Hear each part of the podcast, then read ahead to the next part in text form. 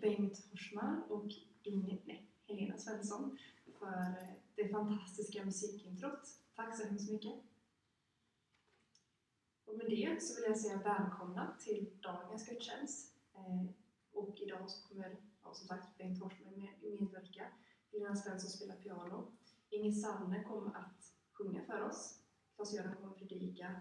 Och jag, Rebecka Aspnäs kommer att leda mötet. Och nu ska vi börja gudstjänsten med en sång av Inge Sanne.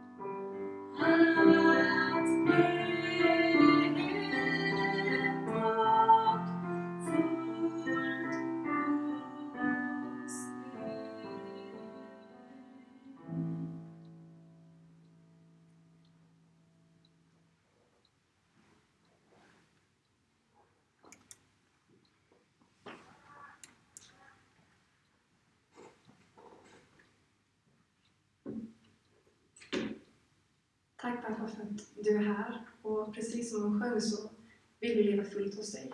Vi ber att vi ska få vara nära dig och vi vill bara komma närmare dig. Så tack för att du är här och jag ber att du ska tala till oss genom texten som jag ska läsa nu. Tala till oss om vad efterföljelse hos dig innebär, vad det innebär att följa dig. Amen. Nu ska jag läsa ur första Konungaboken 19, vers 19 till 21. Elia gick därifrån. När han fann Elisha, Shafats son, var denne ute och plöjde. Tolv par oxar hade han framför sig. Det tolfte körde han själv.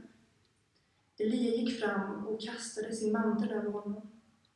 Då lämnade Elisha oxarna och sprang efter Elia och bad honom Låt mig först gå och kyssa min far och min mor avsked, sedan ska jag följa dig. Elia svarade Gå tillbaka, du förstår väl vad jag har gjort med dig? Elisha gick tillbaka, tog de båda oxarna och slaktade dem. Med oket som bränsle tillagade han köttet och gav det åt folket att äta. Sedan bröt han upp och följde Elia som hans tjänare. Och jag tänker att precis som Elisha gjorde i texten, precis som att när han slaktade de här oxarna och brände det här oket och lämnade allting han hade bakom sig. Precis så kan vi få lämna det som står i vägen och hindrar oss för att följa Jesus bakom oss.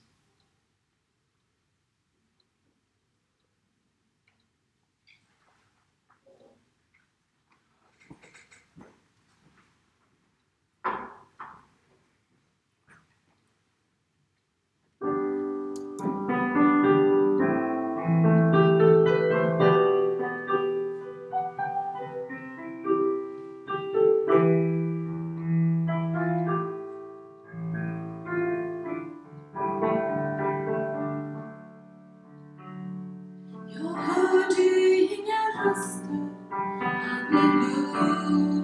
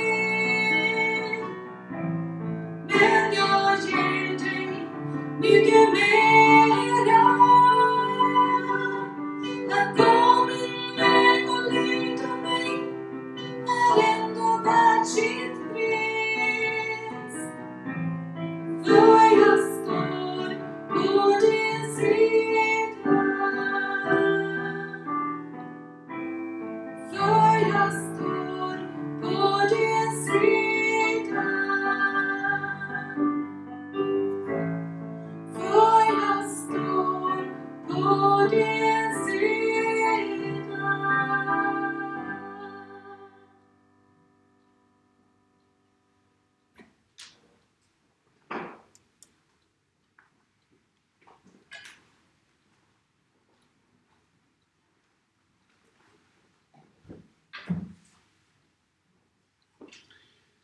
ska läsa den föreslagna texten en av texterna för den här söndagen ifrån Matteus 16, 24-27. Sen sa Jesus till sina lärjungar Om någon vill gå i mina spår måste han förneka sig själv och ta sitt kors och följa mig.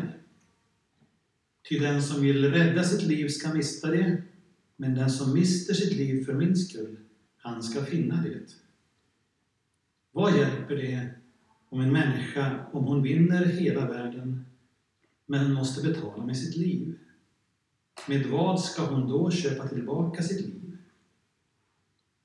Människosonen ska komma i sin faders härlighet med sina änglar, och då skall han löna var och en efter hans gärningar. Efterföljelse. Ett alldeles avgörande ord egentligen för vår tid. Vi lever ju i en tid, mer än någon annan tid för vår egen, där vi översköljs av röster, budskap som ropar ”Följ mig”. Satsa på det här. Det här är viktigt. Att räkna följare, efterföljare och så vidare. Och frågan som vi alla måste ställa oss i en sån tid blir ju denna. Vem av alla dessa röster är värd att följa? Värd att lyssna till? Värd mitt förtroende? Bara för att man är känd, kändis, så är det ju inte givet att man därmed också är värd att följa. Och någon kanske tänker och säger så här, ja men jag följer ju ingen. Jag tar inte intryck av omgivningen. Jag tänker själv och bestämmer själv hur jag ska leva mitt liv. Att tänka så är nog bara att lura sig själv. Vi tar alla oundvikligen intryck av det vi möter, det vi hör, det vi ser, det vi läser och så vidare. Allt detta påverkar oss. Vare sig vi vill eller inte, vare sig vi märker det eller inte, så påverkas vi av detta. Därför tänker jag att det är bättre att man medvetet väljer vad man vill påverkas av. Vad man vill präglas och ta intryck av. Eller snarare vem man vill präglas och ta intryck av. Och för min del så är svaret givet, vem jag vill präglas av och ta intryck av. Någon som är mer värd att efterfölja, mer värd mitt förtroende, mer värd att lära av än Jesus finns inte, tänker jag. Paulus skriver om det här också. Filipperbrevet 2, vers 4 och 5, där han skriver så här. Tänk inte bara på ert eget bästa, utan tänk också på andras. Låt det sinnelag råda hos er, som också fanns hos Kristus Jesus.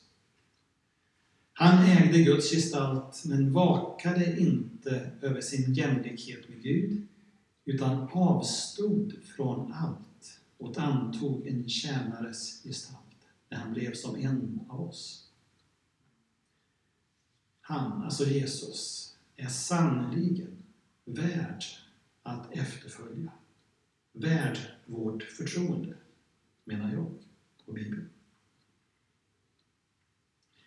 Och med handen på hjärtat, hur många av oss lever alltid efter de här orden? Tänk inte bara på ert eget bästa, utan också på andras.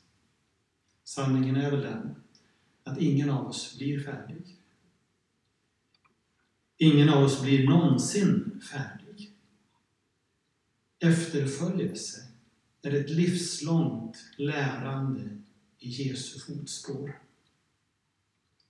Men för alla oss som misslyckas ibland, kommer vid sidan av det som är Jesu fotspår och väg för oss, så finns det en fantastisk, klassisk, lärorik berättelse i Jeremias 18 kapitel, där det berättas om krukmakaren och om krukmakaren så sägs det följande. Ibland misslyckades kärlet som krukmakaren formade med sina händer. Då gjorde han om det till ett nytt kärl, så som han ville ha det. Efterföljelse, lärjungaskap, handlar om att vara ett sånt här formbart ler i Mästarens hand. Att även tillåta honom att börja om, gång på gång i mitt liv. Detta med att följa Jesus är ingenting som han kräver av oss, men inbjuder oss till. Om någon vill gå i mina spår, läste vi i texten. Det kan bara vara frivilligt. Men vad innebär då detta att gå i Jesus spår? Det handlar om att lita på att han vet den rätta vägen. Det handlar om att lyssna på hans ord och vad de har att säga och prägla in i mitt liv. Det handlar om att Eh, se på det han gör och låt hans handlingar, gärningar, vara ett föredöme och lära mig att gå den väg som han går. Men det finns inget som säger att den väg genom livet som är rätt också är lätt. De första läsarna av Matteusevangeliet, när det var nyskrivet, visste hur tufft det var med de här orden, att ta sitt kors och följa. För den kristne som vägrade att tillbe kejsaren på eh, tronen i Rom innebar det ofta att man kastades till lejonen på Colosseum eller på annat sätt fick dö för sin tros skull. Och genom tiderna, århundraden och årtusenden, så har det många, alldeles för många gånger varit alldeles för tufft att göra det som är rätt. Att följa det man vet, eh, tror på, följa Jesus. Så ser det också ut på alldeles för många håll i vår värld, i vår tid. Ta sitt kors och följa. Det är inte alltid lätt att leva rätt. Den här texten är ju en sån här text som bränner till flera gånger på olika ställen. Gång på gång så bränner det till, tar tag. Och vers 26 är en sån där oj, oj, oj vers igen. Det som riktigt tar tag i oss. Så här står det. Vad hjälper det en människa om hon vinner hela världen men måste betala med sitt liv? En annan, eller många fler andra översättningar skriver förlorar sin själ. Hon vinner hela världen men förlorar sin själ.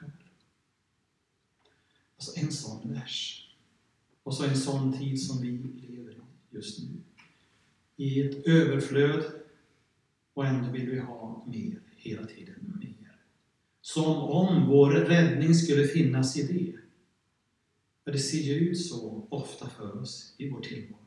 Vi tänker så, handlar så. Det är sådana starka krafter i oss och runt oss som vill få oss att leva och tänka på det sättet. Att pengarna, att prylarna ska få ta överhand och styra och ställa i våra liv. Och så rakt in i detta överflödssamhälle som många av oss lever i, så kommer de här orden rakt in på något vis. Vad hjälper det en människa om hon vinner hela världen men förlorar sin själ? Ingen kan döma någon annan i detta.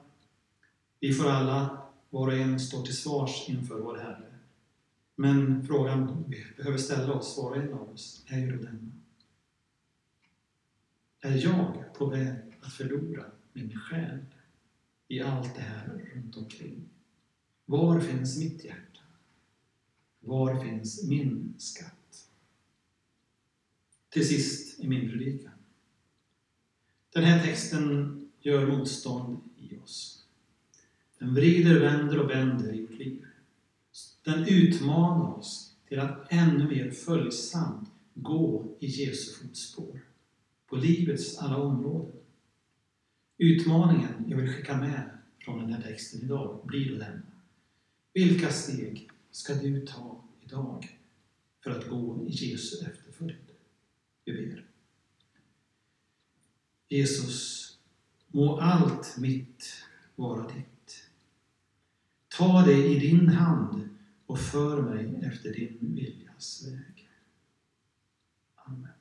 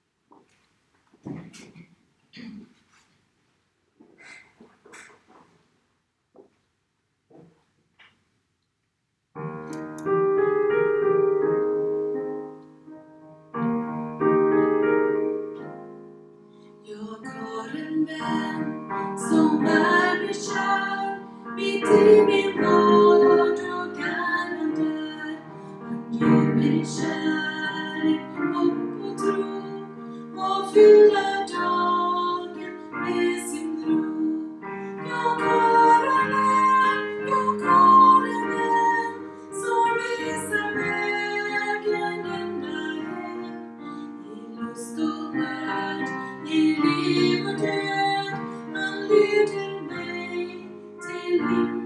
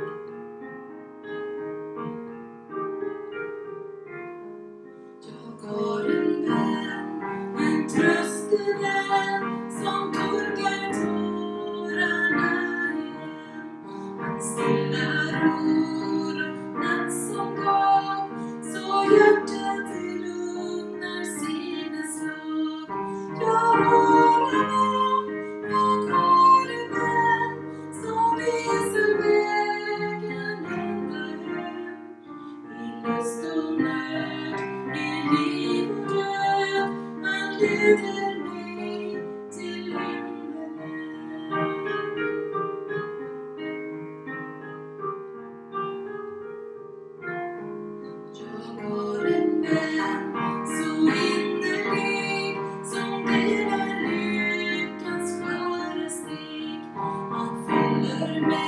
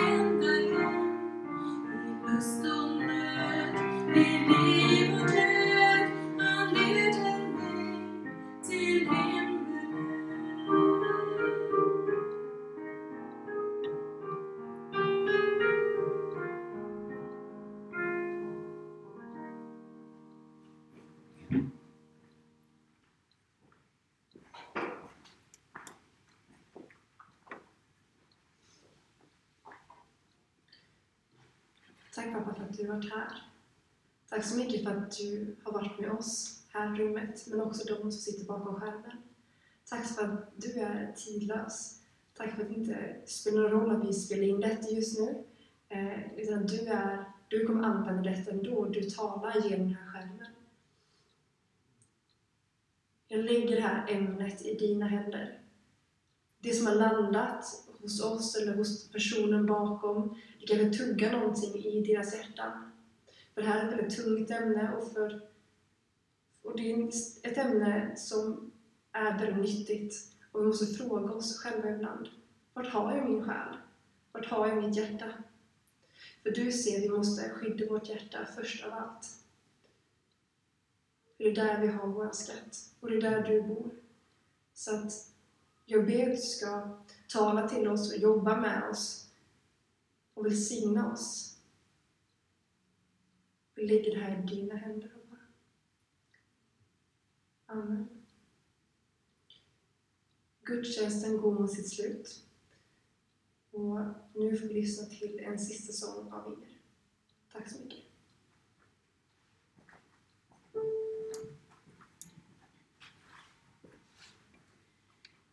Som vill att jag ska finnas. Du som vet att jag är jag. Du förstår mitt hjärtas längtan och är hos mig natt och dag.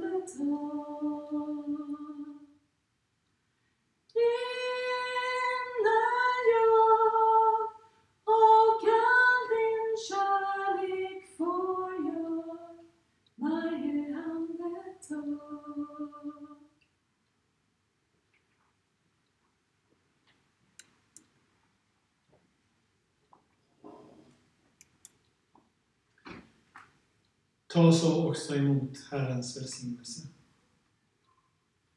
Herren välsignar dig och beskyddar dig. Herren låter sitt ansikte lysa mot dig och visa dig nåd.